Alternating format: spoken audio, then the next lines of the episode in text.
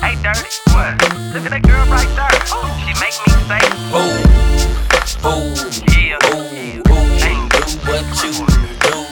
Kembali lagi ke Overtime Indonesia dan eh, episode kali ini gue sama Paul akan ngebahas tentang siapa kandidat terkuat menurut prediksi kita yang akan masuk eh, NBA Finals ya karena ini sudah di luar prediksi semua ya. Dan gue sempat kalah taruhan juga tuh gue akhirnya pakai fotonya Chris Paul karena ya udah kan kan udah dibahas kalau misalkan Lakers itu ada yang cedera aja Anthony Davis cedera aja udah pasti ada Berantakan. trouble berantakan gitu dan kelihatan bahwa Phoenix Suns akhirnya yang lolos terus habis itu ada konspirasi Adam Silver yang katanya eh udah dijadiin covid aja deh Chris Paul gitu gua nggak tahu itu Soalnya belum belum ada kabar bahwa emang dia kena COVID atau close contact tracing, cuma dikasih tahunya safety pro, health and safety protocol. iya tapi katanya sempat dengar berita udah positif covid katanya itu ada berita yang sebenarnya dari eh, sebuah media outlet lokal dari Arizona, Phoenix. Heeh. Tapi nggak dikonfirm sama eh, sumber yang lebih apa ya? yang Lebih valid. Iya, kayak NBA.com harusnya juga merilis duluan dong atau Iya. apa kayak kayak Bleacher Report atau insider-insider NBA misalnya dari eh, Adrian Wojnarowski atau ya inilah reporter-reporter yang benar-benar kayak udah ada orang dalamnya.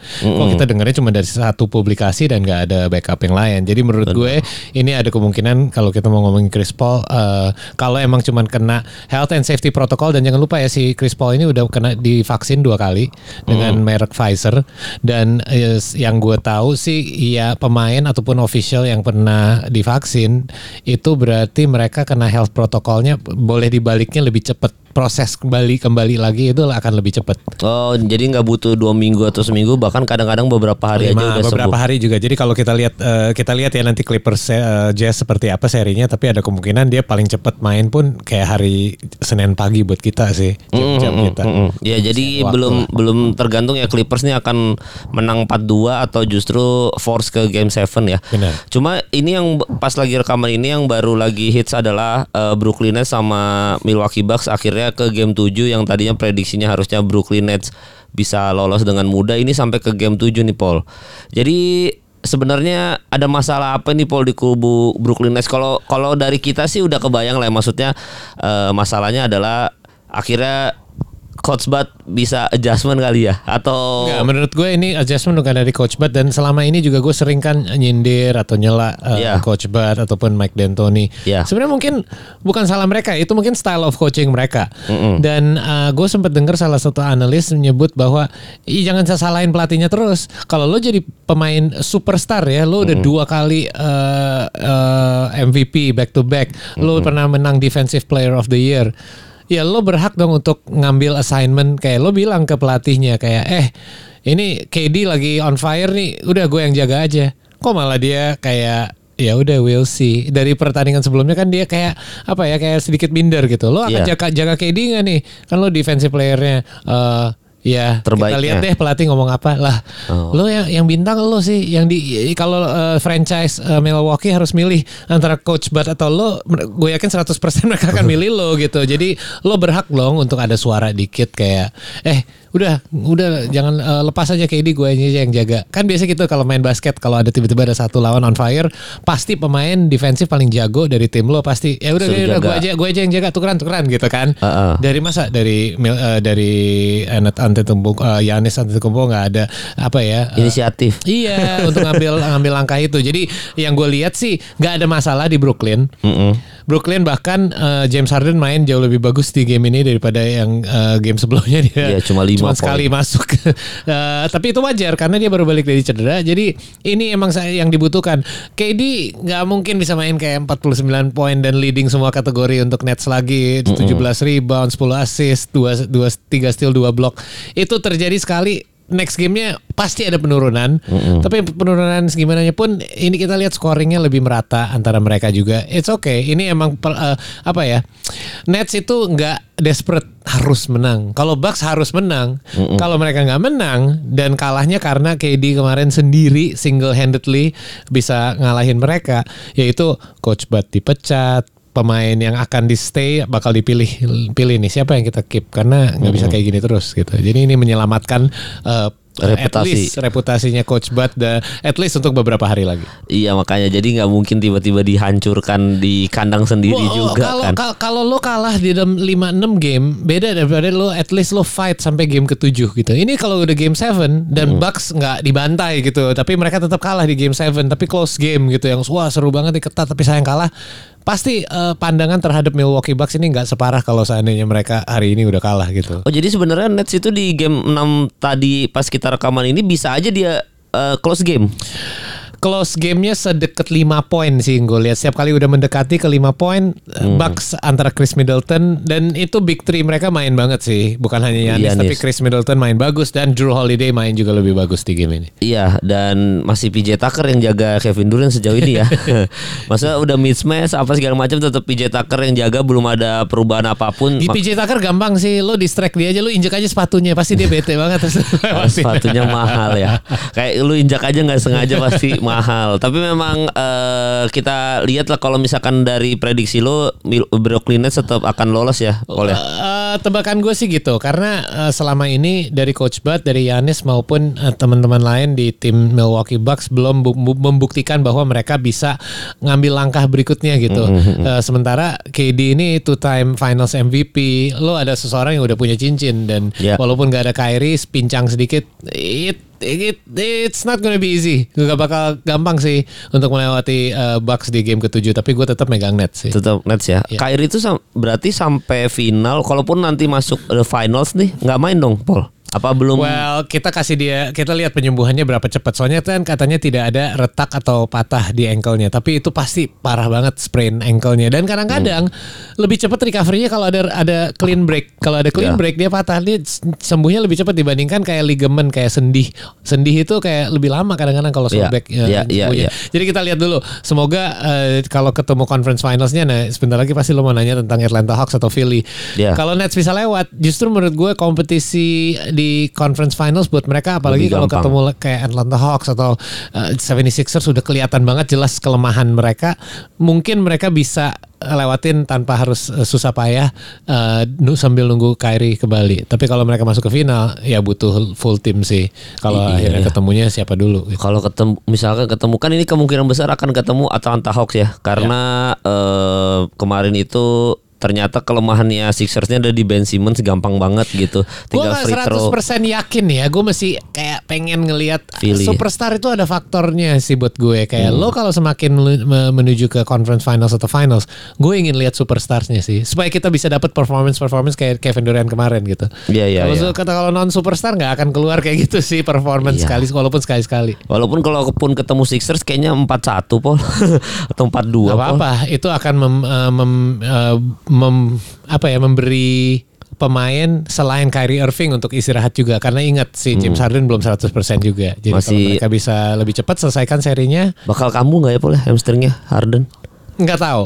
Tapi gue lihat style of play dia dia masih bisa Main ya, aman. nggak terlalu ngegas. Jadi gini, perannya Harden buat gue Iya. lebih penting bukan di offense, tapi di defense-nya. Hmm. Eh, dalam arti juga kayak dia adalah seseorang yang lumayan pinter. Ingat nggak waktu di game kelima yang dia single coverage lawan Yanis, Yanisnya juga nggak nggak attack, cuman fade fade away jumper di baseline. Iya iya. Itu James Harden yang jaga. Padahal itu James Harden kalau lo lihat di tim itu line up itu dia bisa jadi salah satu lemah, eh, titik lemah sih di defensive line-nya. Tapi justru James Harden itu pede banget. Dia malah mau dibantuin double team dia malah suruh jangan nggak usah nggak usah gue aja. Gitu kan. Maksudnya ini kan seseorang yang berpengalaman, pede, confidence. Nah, kalau secara offense gimana cara dia ngebantunya tanpa harus nyetak poin tinggi? Dia menjadi sebuah ya tanda kutip decoy. Decoy itu decoy mahal sih, tapi tetap decoy. Karena kenapa? Karena lu nggak bisa kayak lepas total juga. Lu rada ngeri juga kan kayak wah Iya. Harden jangan lepas total deh kalau Decoy mewah ya. Nah, kalau inget pas pas eh, Kyrie cedera di game itu eh, eh, sisa eh, pertandingan itu itu KD di double team, di triple team karena mau jaga siapa lagi? nggak usah jaga Harden, nggak usah jaga. Ya Joe Harris juga nggak lagi nggak konsisten. Iya. Ya udah kita udah kita 100% semua jaga KD. Dan itu dia lumayan susah payah tuh di game itu kan. Iya. Eh, performanya kurang baik justru makanya pas next game tetap nggak ada Kyrie, ada Harden, coverage terhadap Kevin Durant lebih Berkurang. ringan, lebih berkurang. Jadinya dia bisa berkutik tuh. Nah, Iya. akhirnya bisa lah keluar performance yang eh, luar biasa kemarin. Iya dan nggak mungkin juga Harden di apa three point line ah Ya nggak usah dijaga Nggak enggak deh. cuy. Kan Kalau Russell kan hamstringnya eh, nggak 100% ya tetap aja lo jaga sih. Iya tetap harus jaga sih kecuali itu Russell Westbrook ya gue masih ya udah biarin deh gitu. Tapi kalau James Harden di nggak dijaga di three, three point line kan nggak mungkin banget ya. Jadi ada kemungkinan kalau berdasarkan poll gue juga setuju bahwa Brooklyn Nets kemungkinan akan tetap lolos ke finalsnya East ya. Akan ketemu antara Atlanta Hawks sama Sixers. Berarti Oke. kalau lu megang siapa Paul? Lu pengennya Sixers. Hati gue sih pengennya Sixers. Kenapa? Oke. Karena kalau seandainya mereka nggak lolos nih, Hmm. lah kalahnya sama Atlanta Hawks dan gue nggak jelek-jelekin Atlanta Hawks ya. Hmm. Atlanta Hawks overachieve banget ngalahin New York Knicks. Maksudnya dengan di- mereka dominasi lah di seri itu. Hmm. Dan ternyata sekarang juga leading sama Philadelphia. Dan yang lebih eh, eh, hebat lagi dari Hawks, mental mereka untuk yang tim yang sangat baru di playoff dan masih muda, kuat banget loh. Mereka Hmm. ketinggalan jauh 18 poin, masih tersisa empat setengah menit di kuarter ketiga. Mereka bisa comeback. Iya. itu kan kayak ya ada juga yang yang bilang wah keren ya Atlanta Hawks menang. Gue sih nggak bilang Atlanta Hawks menang. Gue lebih ke di camp yang eh, menyatakan bahwa Philadelphia 76ers yang kalah game itu. Hmm. Itu sebenarnya kemenangan udah di tangan sih lo yang buang ya sia-siain. Tapi- Harusnya ya. Tapi sayangnya ke tim ini eh, resiko akan dirombak sih kalau mereka cuman ya dihentikan oleh eh, Atlanta Hawks sama yang seperti gue bilang tadi. Kalau mereka bisa ketemu Brooklyn di next round dan akhirnya push Brooklyn ke 6 atau 7 game dan serinya ketat gitu back and forth back and forth. Oke lah lo bisa ini ternyata tim yang emang ketemunya emang susah ketemu KD lawan Harden. Tapi kalau lo kalahnya sama Trey yang sama John Collins salah satu Joel Embiid atau Oh, salah satu eh, antara Jo- Joel Embiid atau Ben Simmons eh, ataupun Doc Rivers bisa out sih. Dan ini kelemahan Doc Rivers sama Eh. sama eh, Doc eh, apa Mike Brown eh Mike Brown lagi Mike D'Antoni sama Coach Bud kayak lu adjustment kayak dikit masa cuma kayak maksudnya Ben Simmons nggak mau nggak mau dipasing bola di akhir-akhir pertandingan takut harus nembak free throw sama penyakit sama Yanis juga masa Joel Embiid sama Seth Curry doang yang nyetak poin di second Iya. half kemarin 30-30 itu ya. nggak bisa men lo kayak gitu. Iya, dan Tobias itu- Harris mana? Apa sih penyakitnya Ben Simmons ini Paul kalau misalkan menurut analisis lu gitu? ya, yang gue lihat yang ini pernah terjadi sama pemain lain, ter- termasuk LeBron James adalah ya, dan dia dia mengaku ini juga kan di press con bahwa ini mental lagi. Ya mental itu menurut gue lebih susah kadang-kadang daripada fisik. Fisik sakit, cedera, pegel, lo bisa kuat-kuatin gitu. Kalau mental, lo mau sekuat apa pun mental lu kalau nggak beres tuh gimana cara melewati masalah itu Iya. dan dia sekarang emang mental 33% dia tembak free throw di playoff selama playoff ini. Itu we're- itu ya gue 30% men berarti tiga kali nembak cuma sekali masuk. ya kan maksudnya lo aja kayaknya lebih oke deh itu mah nembak free throw. Kalau free throw ya Iya, free throw, ini ngomongin free throw ya, iya. Dan dia bilang ini men, men- sekarang mental. Nah masalahnya apa impactnya? Well di akhir pertandingan dia nggak mau lama-lama megang bola. Takut Oke. takut sengaja di fouling. Itu kan jadi strategi. Ataupun dia di eh, di base baseline di di tempat spot favorit dia deh. Kan dia nggak bisa nembak. Jadi dia di di baseline di dalam paint area dia buru-buru pengen cari passing. Karena emang good passer juga. Tapi kalau dia bisa nembak aduh opsinya kalau bisa nembak free throw itu opsinya kan banyak dia bisa post up point guard lebih kecil kalau dia sengaja di double team dia bisa pass out kick out kalau dia di fouling dia bisa nembak di free throw line tapi karena satu faktor itu aja nggak ada jadi yang lain semua berantakan juga Gila ya. Eh, ben Simmons sama Prastawa jagoan Prastawa free throw. Iya, juga benar. Gimana sih ini? Aduh, pemain NBA lo padahal mentalnya kayak gue paling jago sedunia anjing gitu, tapi tetap free throw. Iya ya, Giannis penyakitnya sama, Ben Simmons penyakitnya sama, bahkan kadang-kadang LeBron James juga penyakitnya sama. Nah kalau LeBron James kuat mental. Jadi Ya. walaupun dia di, dicela, disindir kayak wah jelek banget lo free throw, dia ada kadang-kadang dia kelihatan kayak, aduh gue cocok kalau bisa gue hindarin deh ke free throw. Makanya dia sekarang apa caranya gimana untuk dia ngelawan itu? Dia perbaiki three point shooting ya dibikin lebih bagus. Jadi kak di saat-saat momen terakhir akhir game sekarang dia punya three point shot. Jadi dia mau tembak dari yang 45 derajat dia dari baseline itu spot dia apalagi sebelah kiri. Itu favorit dia Ya. untuk nembak three point. Sekarang dia bisa melakukan itu. Misalnya dia free throw-nya lagi nggak enak nih lagi nggak masuk masuk nih game ini. Ya udah gue nembak aja deh daripada dia tag terus sengaja di fouling terus dianya jelek free throw-nya. Benar, benar. Tapi kalau Ben Simmons bisa three point. Mau yang di, gak dijaga juga sih masuk. ya. Cuma lu kaget gak sih Paul kalau ternyata Trey Young itu di playoff sebersinar ini gitu Paul. Maksudnya ini ini ada faktor bahwa eh, kemarin sempat dibahas di media-media juga di luar bahwa ternyata cukup mengagetkan Trey Young di playoff sematang ini gitu. Lu Gua- kaget nggak? Atau ini cuma Ah, laki aja gitu? Yes, lebih Oke. banyak eh, lebih faktor keberuntungan karena mereka ketemu New York Knicks di Ya. ronde pertama. Ya. Julius Randle mainnya juga kurang bagus. Ya. Dan sekarang mereka ketemu tim yang menurut gue self destructive. Lo nggak ada masalah lu nyari masalah. Sebenarnya ya kan maksudnya lo udah punya tim yang talenta jelas lo lebih bagus gini. Gue juga pernah denger eh, sebuah statement yang menurut gue gue setuju banget. Hmm. Kalau lo punya tim yang talentanya lebih rendah dari eh, dari tim lo ketemu di playoff dan lo kalah, ya udah itu salah. Either itu salah semua orang di satu tim itu merata deh lo kita semua salah atau bukan salah siapa-siapa emang kita talentanya lebih rendah gitu. Emang emang gimana? Emang mereka lebih bagus talentnya kita cuma bisa usaha. Dan siapa tahu dengan kita usaha lebih banyak, lebih baik, kita mungkin dapat hasil yang oke juga bisa menang sekali-sekali. Tapi masalahnya kalau tim lo lebih talentnya lebih banyak, lo lebih banyak all star di tim lo, lo lebih banyak all defensive, all NBA tim. Tapi lo kalah sama tim yang talentanya lebih dikit, itu salah siapa? Ya salah bintang lo sama terutama salah pelatih lo. Karena ta- pelatih lo tidak bisa manfaatin talenta yang ada di timnya. Ya untuk bisa ngalahin tim yang sebenarnya senjatanya lebih sedikit. Hmm, Jadi, jadi, Doc ini- Rivers sama Joel Embiid sama Ben Simmons ini bisa di ya kebanyakan kesalahan di, Di mereka. pundak mereka. Iya. Iya ya masa set Curry yang 30 poin sih itu itu Ada aneh something banget wrong sih. Paul. Iya, itu aneh banget sih. apa-apa dia 36 poin tapi, tapi Tobias Harris harus bisa jadi opsi. Ya lo sekarang Iya, jadi third eh, pemain ketiga terbaik di tim itu gitu. Tobias Harris cuma 4 poin, 4 rebound, 3 assist. Gila Ben Simmons 8 poin, 4 Bagus. rebound tapi 9 assist. Bagus. Sisanya Kors Korsmax, Korsmas 8 poin. Aneh-aneh dah. Pokoknya aneh banget harus Joel Embiid sama Seth Curry yang take over tapi kalau sekali Ben Simmons nyala tuh sebenarnya akan akan berbahaya banget ya. Kalau lo di jadi Sixers lo harus ngandelin Kork Mas. Ya berarti ada masalah sih. Iya, ada masalah itu jelas. Nga- ngandelin apa Milton siapa nih? Shake Milton, ya itu dia ada yang juga bilang juga. Iya. Kenapa di akhir menit-menit akhir Shake Milton yang mau bola lo punya Ben Simmons gitu Iya, kan. itu. Ada Korkmaz juga mainnya ba- bagus sebagai role player gitu. Tapi jangan sampai lo harus butuhkan banget poin dari dia. Iya berarti emang Ben Simmons setakut itu di nembak free throw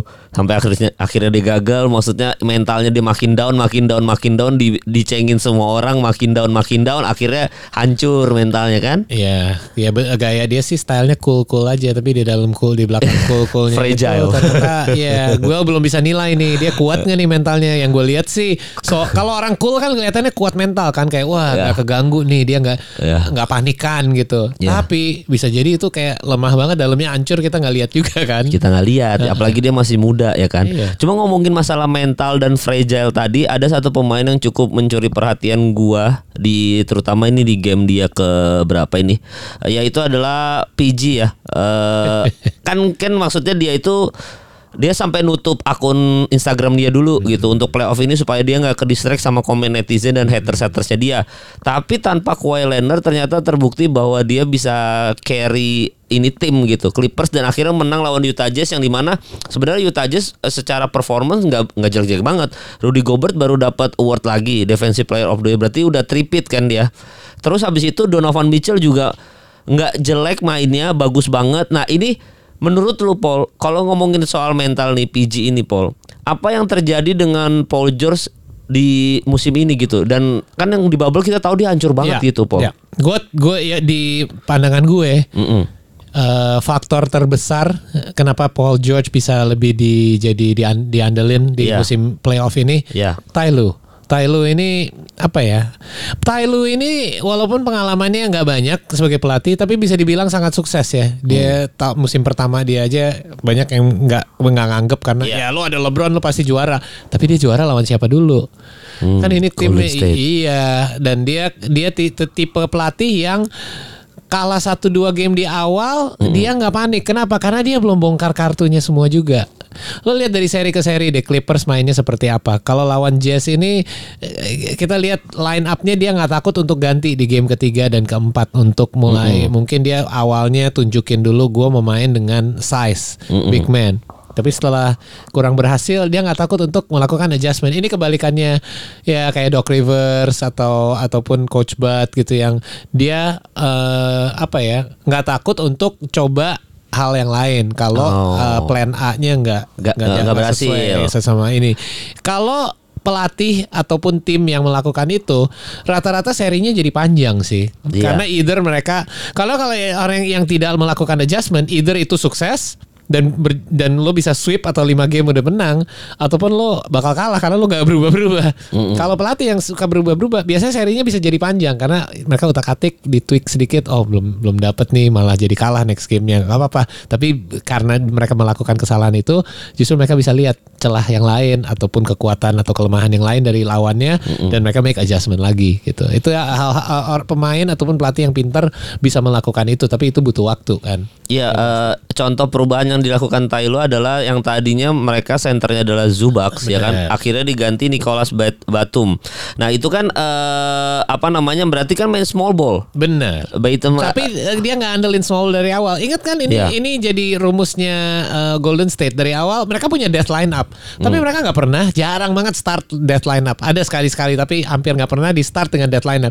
Death lineup itu kayak kartu asnya dikeluarin saat nih, oke, lo lo mau ngegas, gue juga bisa ngegas. Hmm. Tai lu tipe kelihatannya juga pelatih kayak gitu ala ala, ala kayak Steve ke Steve Kerr. Oke. Jadinya kayak oke, gue eh, ini ini line up yang gue start dulu. Ataupun bisa jadi dia sengaja kayak kayak oke gue kasih lo line up yang yang menurut gue akan mancing sebuah permainan dari lo di mana nanti gue bisa bales. Itu kayak main catur gitu kalau udah antisipasi move next move-nya. Jangan salah pelatih ini nggak cuma satu dimensi men mikirnya mereka dua tiga dimensi. Udah mikirnya ke depannya nanti mereka akan adjustnya seperti apa. Oke gue harus bisa nanti in game adjustment. Jadi dalam arti gini kalau kita cuma adjust adjust adjust adjust ya berat jelas lo menang dua gue menang dua terus lo menang satu gue menang satu ya sama. Tapi pelatih harus bisa antisipasi. Kalau gue melakukan ini dan gue sukses kira-kira eh, pelatih yang lawan gue akan melakukan apa untuk counter move gue ini dan gue harus bisa tebak itu kalau gue bisa tebak berarti gue bisa in game adjustment di next game di next game Ya. pun lo mau lawan gue udah ada udah siap untuk move lo karena gue udah kebaca lo akan melakukan ini itu namanya in game adjustment dibandingkan game to game adjustment kan dan pelatih yang jago harus bisa dua-duanya sih dan itu sangat ngaruh ke per- permainan Iya bener Jadi udah udah udah punya adjustment ketika sebelum bertanding, bahkan setelah bertanding, bahkan yang in game lagi In ber- game. la- Half lagi time. half time. Ya, jadi kadang-kadang makanya lo lihat kenapa tim ini bisa kayak pas first half basi banget, tapi second half kadang-kadang itu karena tembakannya tiba-tiba mulai masuk. Tapi kadang-kadang itu dari pelatihnya. Mereka lihat sesuatu di first half, wah nggak bisa kayak gini nih. Kita harus rubah strategi, rubah strategi. Ternyata ada yang berhasil. Nah, pelatih yang bagus bukan hanya bisa game to game, tapi in game pun dari quarter Iya. ke quarter. Dan itu yang dilakukan Roberto Mancini di Italia. Ah. Karena first half-nya jelek ya kan. Gatel banget lo pengen bahas Italia. Ternyata di second half jadi bagus Benar, gitu. benar. Jadi kalau lu prediksi lu tadi penjelasannya eh, secara Clippers dari sisi Clippers udah tapi kalau misalkan prediksi lu Clippers atau Utah Jazz yang lolos Paul. Gue agak penasaran Mike Conley akan kembali atau enggak nih. Iya. Eh, tapi Banyak komentar net- netizen Utah yang bilang kalau kita butuh Mike Conley banget, kita butuh banget Iya gitu. karena kasihan kalau lo mau kayak wah tapi Donovan Mitchell kan jago. Iya tapi lo kalau mang- iya. suruh dia yang bawa tim ini. Soalnya sekarang yang kita lihat eh, dilakukan Rudy Gobert sekali-sekali dia bisa nih ja- jaga perimeter. Apa yang lo bilang tadi? Small ball. Small ball akan melakukan maksakan apa? Rudy Gobert harus dipaksa keluar dari pen area dong. Iya. Dan itu terjadi berkali-kali dan Paul George eh, apa eh, apa ya kayak nggak takut untuk face to face ayo oke Gocek, kalau lo mau ya. jaga gue oke let's go gitu. Dan tanpa Kawhi Leonard pun ya nggak apa-apa. Yang penting ada yang bisa narik dan switch defense supaya Rudy Gobert keluar dari pen area dan itu bukan itu titik lemah dia. Dan ada yang ngebahas ini juga yang gue denger di sebuah eh, talk show radio yang menarik. Hmm. Rudy Gobert adalah defensive player of the year. Baru aja dapat eh, Iya. award itu dengan di lo kalau kayak gini lo jadi pemain di Utah Jazz. Lo punya pemain lo adalah defensive player of the year. Defensive player of the year lo tapi ditahi-tahiin men dibikin kayak digocek-gocek dilewat-lewatin. Bukan hanya dia yang drop lo ikut drop juga sih. Iya. Anjing, paling jago Hancur, defense. defensive player paling jago di NBA aja digini-giniin sama Digocek-gocek, mereka. iya. berarti lo juga ragu kan lo mikir wah berarti Paul George atau siapa pun ini jago banget men tanpa lu sadar Hmm. ada kepikiran itu secara subconsciously.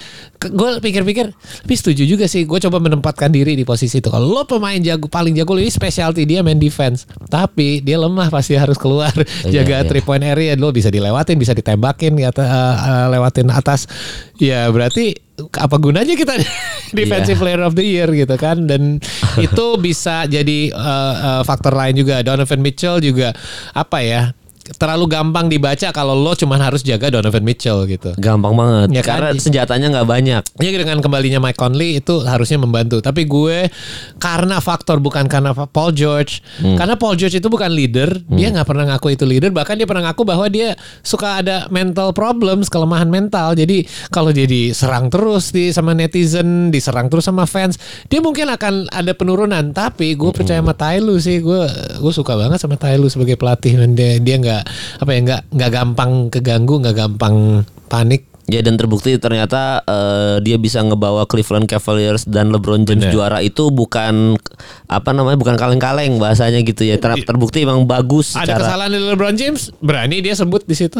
Ya, ya. Karena dia salah satu dari mereka. Dia bukan kayak bos tiba-tiba datang dari perusahaan dari head office nih. Ini bos baru lo. Iya. Enggak, dia dia salah satu dari kalian semua. Sekarang dia jadi bos lo. Kalau lo ada salah dia nggak takut untuk bentakin lo. Iya, iya, Makanya dia gue percaya deh dibandingkan eh, tahun sebelumnya Doc Rivers. Kelihatan, Doc, Doc iya. Rivers mantan pemain juga, tapi Iya. beda era gitu. Gue gue bisa bilang kayaknya Tai Lu lebih bisa kontrol pemain superstar ini. Jadi ada chance untuk akhirnya salah satu perwakilan Los Angeles masuk final ya. Ada chance, tapi Iya. jangan salah siapa yang nunggu, siapa yang sedang nunggu, menunggu sekarang adalah Hmm. Phoenix Suns yang udah semakin banyak istirahatnya nih. Iya, karena udah capek ngegas nih eh, Clippers ini ini ya. Bahkan bisa aja jad- jadinya ke game 7 ya. Iya. Ada kemungkinan gitu ya. Tapi memang gue sempat baca komen netizen di Utah ya dia bilang eh, selain kayak eh, Donovan Mitchell needs help yang kayak gitu-gitu sama eh, kita butuh Mike Conley. Ada komentar juga eh, Utah Jazz itu menang ketika Rudy Gobert mindsetnya adalah mindset offense. Paul. Jadi beberapa pertandingan itu dia mindsetnya defense banget ternyata. Ya. Jadi eh, katanya ada beberapa netizen bilang kita butuh Rudy Gobert dengan mindset offense-nya dia seperti game-game sebelumnya.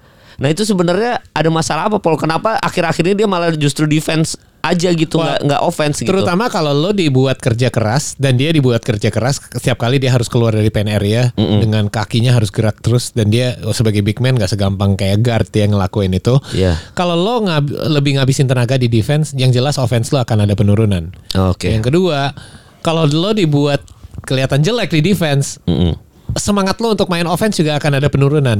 Jadi nggak nggak flow. Lo tau kan kalau defense lo baru dapet steal atau block, oh larinya kenceng tuh fast break, eh baper baper. Tapi kalau kejebolan. Kalau lagi ya, kalau lo dikolongin, lo lewatin lo offense-nya juga agak ya biasa-biasa aja deh. Gue defense-nya juga jelek banget. Jadi offense Iya. lo nggak kayak pede untuk eh kasih bola yuk yuk. Gue baru bagus nih, gue lagi bagus nih, lagi wangi nih. Nah itulah momentum adalah segalanya kalau masalah kayak gitu. Jadi offense ah, banyak yang bilang ya nggak mang lo main defense yang kenceng, offense akan datang. Ya tapi sebaliknya kalau defense jelek juga offense pasti dan nggak jarang jarang ada orang ngomong gitu. Ini keper- kepercayaan gue doang aja. Karena sering lah kita main cuma Iya. sparring sparring doang. Lo kenapa offense-nya jadi basi? Ya karena defense lo juga lagi nggak semangat gitu kan. Iya, iya. Ada ngaruhnya. Ada ngaruh lah itu apalagi mungkin Tai lu di locker room juga bilang kita hancurin ini kita beruntung banget karena kita ketemu defensive player of the year dan kita hancurin mentalnya dia dengan kita gocek-gocek dia udah hancurin satu tim mungkin ngobrol gitu kali PG udah gocek aja deh siapa eh siapa Re- Reggie Jackson udah lu gocek aja semua lu gocek terus Yang lebih yang lebih menghancurkan eh, Rudy Gobert adalah Reggie Jackson sih. iya Reggie Jackson kayak apa ya? Nggak dijaga dari Rudy Gobert, dia malah minta di switch Iya. sama Rudy Gobert.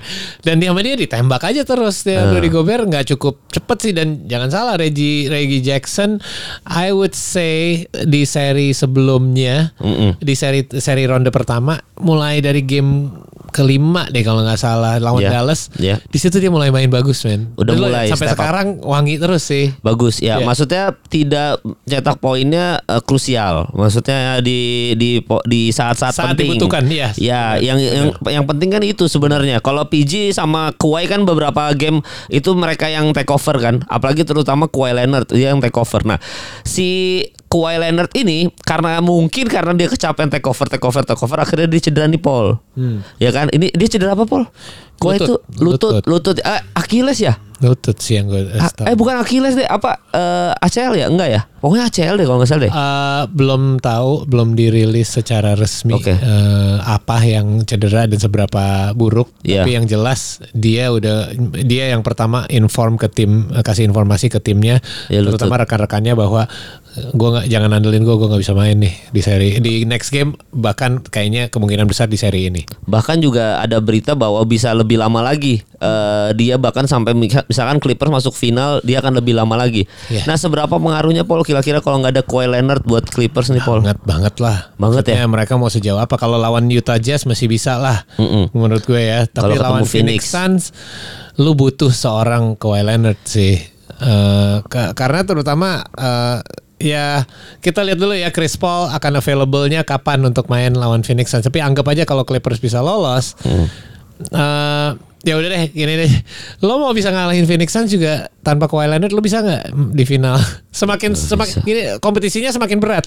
Iya. sebaliknya dibandingkan eh, Brooklyn Nets yang kali tadi gue contohin. Kalau lo bisa lewatin mereka mungkin next round lo boleh agak bukan agak istirahat ya tapi paling nggak lo bisa tarik nafas dikit deh gitu. Ini akan semakin challenging semakin challenging semakin susah. Lo ketemu tim yang semakin segar lagi Phoenix Suns yang lagi banyak istirahat. Jadi Iya, mereka iya. sangat butuhkan Kawhi Leonard sih. Gue nggak expect eh gua nggak expect Clippers bisa menang sih eh, tanpa Kawhi kemarin game eh, game kelima game kelima pun mereka bisa bisa ngalahin eh, bisa ngalahin Utah itu udah sesuatu banget tapi bisa nggak diulang lagi gua nggak yakin Ya ya ya. Jadi, eh, menurut lu Clippers tetap akan lolos cuma ketemu Phoenix tanpa Ya. Kawhi Leonard akan berat banget. Berarti ke- kesimpulannya adalah kalau eh, di East kemungkinan besar tadi lu megang siapa? Philly Atlanta Hawks. Philly ya, pengennya Philly ya. deh gue pegang Philly aja deh Oke Philly Brooklyn Nets Eh, kalau di eh, West ada Phoenix dan juga Los Angeles Clippers ya. ya Yang akan lolos ke final yang Berarti- lolos ke final Phoenix Suns menurut gue dan Brooklyn Nets berarti. Brooklyn Nets sama Phoenix Suns ya Ya, juaranya? Oh iya lo. aduh Sebelum kita udahan Paul, juaranya siapa Paul? Kira-kira gue Paul? masih Brooklyn Nets. kan eh, awal musim gue pilihan gue adalah Lakers ketemu Nets di Iya, final iya. juara Lakers Oke. Sekarang kalau eh, menurut gue itu pun tipis bakal jadi susah kayak kalau full tim nih dua-duanya Iya. pasti Lakers susah payah sih kalau mau menang pun gitu lawan KD, Kyrie sama Harden. Kalau Harden bisa bertahan sampai ke final tanpa Kyrie pun Ya. gue tetap megang Brooklyn sih. Brooklyn Nets ya. Berarti juara NBA tahun ini untuk episode kali ini kita masih Brooklyn Nets dulu. Tapi gue eh, buat teman-teman yang udah ada beberapa teman pendengar overtime yang nanya kok foto gue belum di gue cari dulu yang yang paling lucu yang Chris Paul gue pasang deh. Gue udah ganti. Gue pasang gue pasang gue Gua udah gue bukan nggak lupa kok. Tapi eh, kalau seandainya Phoenix Suns masuk ke final dan kalah, Iya. ceritanya Chris Paul sedih banget gak sih? Iya, sedih banget. itu. Aduh kayak harus aduh, ini harus momennya di mana. Iya, ini momen di mana Chris Paul harus juara NBA sih menurut gua. Ya kan maksudnya di hati gue sih gue pengennya Ya lo bisa bilang ya tapi sedih juga kalau Harden masuk ke final terus nggak menang dia kan udah ya nggak apa-apa tapi next year kan dia masih, Masih ada bisa. masih ada kayak kalau Chris Paul next yearin di next yearin lagi aduh kayaknya Nggak deh, bakal sebagus ini lagi nggak gue nggak yakin gitu ngeri Habis udah ya. berumur juga Iya bener Jadi udah faktor U juga Jadi eh, harapannya adalah Chris Paul juara NBA Cuma buat sekarang gua sama Paul kalau belum ada faktor cedera bablas segala macam masih Brooklyn Nets maka nanti Dan kita lihat nggak ada tim kita di playoff, siapa pun yang menang nggak apa-apa. Yang penting seru ke seri. Nggak ada Raptors, nggak ada Lakers buat gue. Ya udahlah siapa pun. Iya. yang penting gue bisa nikmatin. kan gue sempat di komen netizen tuh apa overtime dia bilang e, Min kalau mau belajar jadi bandwagon coba belajar dari autentik gitu dari uh, Koiril dia bilang gitu kan terus eh, komennya si adminnya overtime dia bilang kayak ya mau gimana yang satunya ngefans Lakers banget yang satunya Raptors banget ya kita mah nggak ngerti jadi bandwagon gimana caranya? Bandwagon, ya berarti gini kita harusnya kayak wah Phoenix nih bakal juara gitu. Karena kan Phoenix yang sekarang paling kuat karena rekor. Jadi gitu Iya. jangan bandwagon kita harusnya gitu. Ah, jadi makanya bandwagon kita ya? pasang foto Chris Paul. Kan Iya, kan kita bener. jadi bandwagoners dong sekarang. Iya makanya kan kita bingung mau jadi bandwagon siapa. Jadi buat kalian yang udah dengerin episode ini Silahkan komen kira-kira gue sama Paul jadi bandwagon siapa. Tapi kalau disuruh milih bandwagon Phoenix berarti lu ya. Eh, kalau bandwagon gue udah bandwagon di awal musim dengan bilang Brooklyn Nets bakal masuk final Oh, iya juga itu kan ya. bandwagon banget Bener banget ya. Ya udahlah kalau gitu gua belum tahu. Gue juga nggak tahu. Masalah gua harus lihat dulu Lo menurut lo pertandingan. Brooklyn kalau ketemu Phoenix di final kenang siapa? Ya kalau Harden udah sehat, eh, Kevin Durant sehat banget nggak nggak napa-napa ya Brooklyn lah. Kyrie. Tanpa Kyrie pun. Iya iyalah po. Maksudnya mau ada Devin Booker, Deandre Ayton sama Chris Paul juga kalau ada KD sama Paul KD sekarang kalau kata orang Amerika udah the best player in NBA sekarang Paul. Iya. Masalah nggak mungkin lah. Maksud gua eh, dua-duanya ini ini MVP. Bayangin ada dua MVP di satu tim sama yang nothing ini Devin Booker, Ayton sama Chris Paul ini nggak ada jabatan bukan nggak jabatan, nggak ada status apa-apa gitu. Iya. Cuma teamwork aja. Ini mah udah MVP, udah pasti mentalnya jauh lah, Paul. Iya. We'll iya. see. Iya makanya kita lihat aja makanya nanti kita lihat minggu depannya ada kira-kira ada apa lagi pokoknya so thank you buat Paul udah ikutan di episode kali ini Paul ya Thank you, thank you. Eh, apa namanya nanti buat kalian yang mau komen-komen silakan nanti kita bacain satu-satu so thank you udah dengerin episode kali ini nanti kita lihat perkembangannya di minggu depan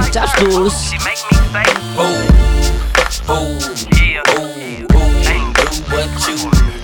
I like the way you do that right there, right there. Switch your hips when you walk and let down your hair, down your hair.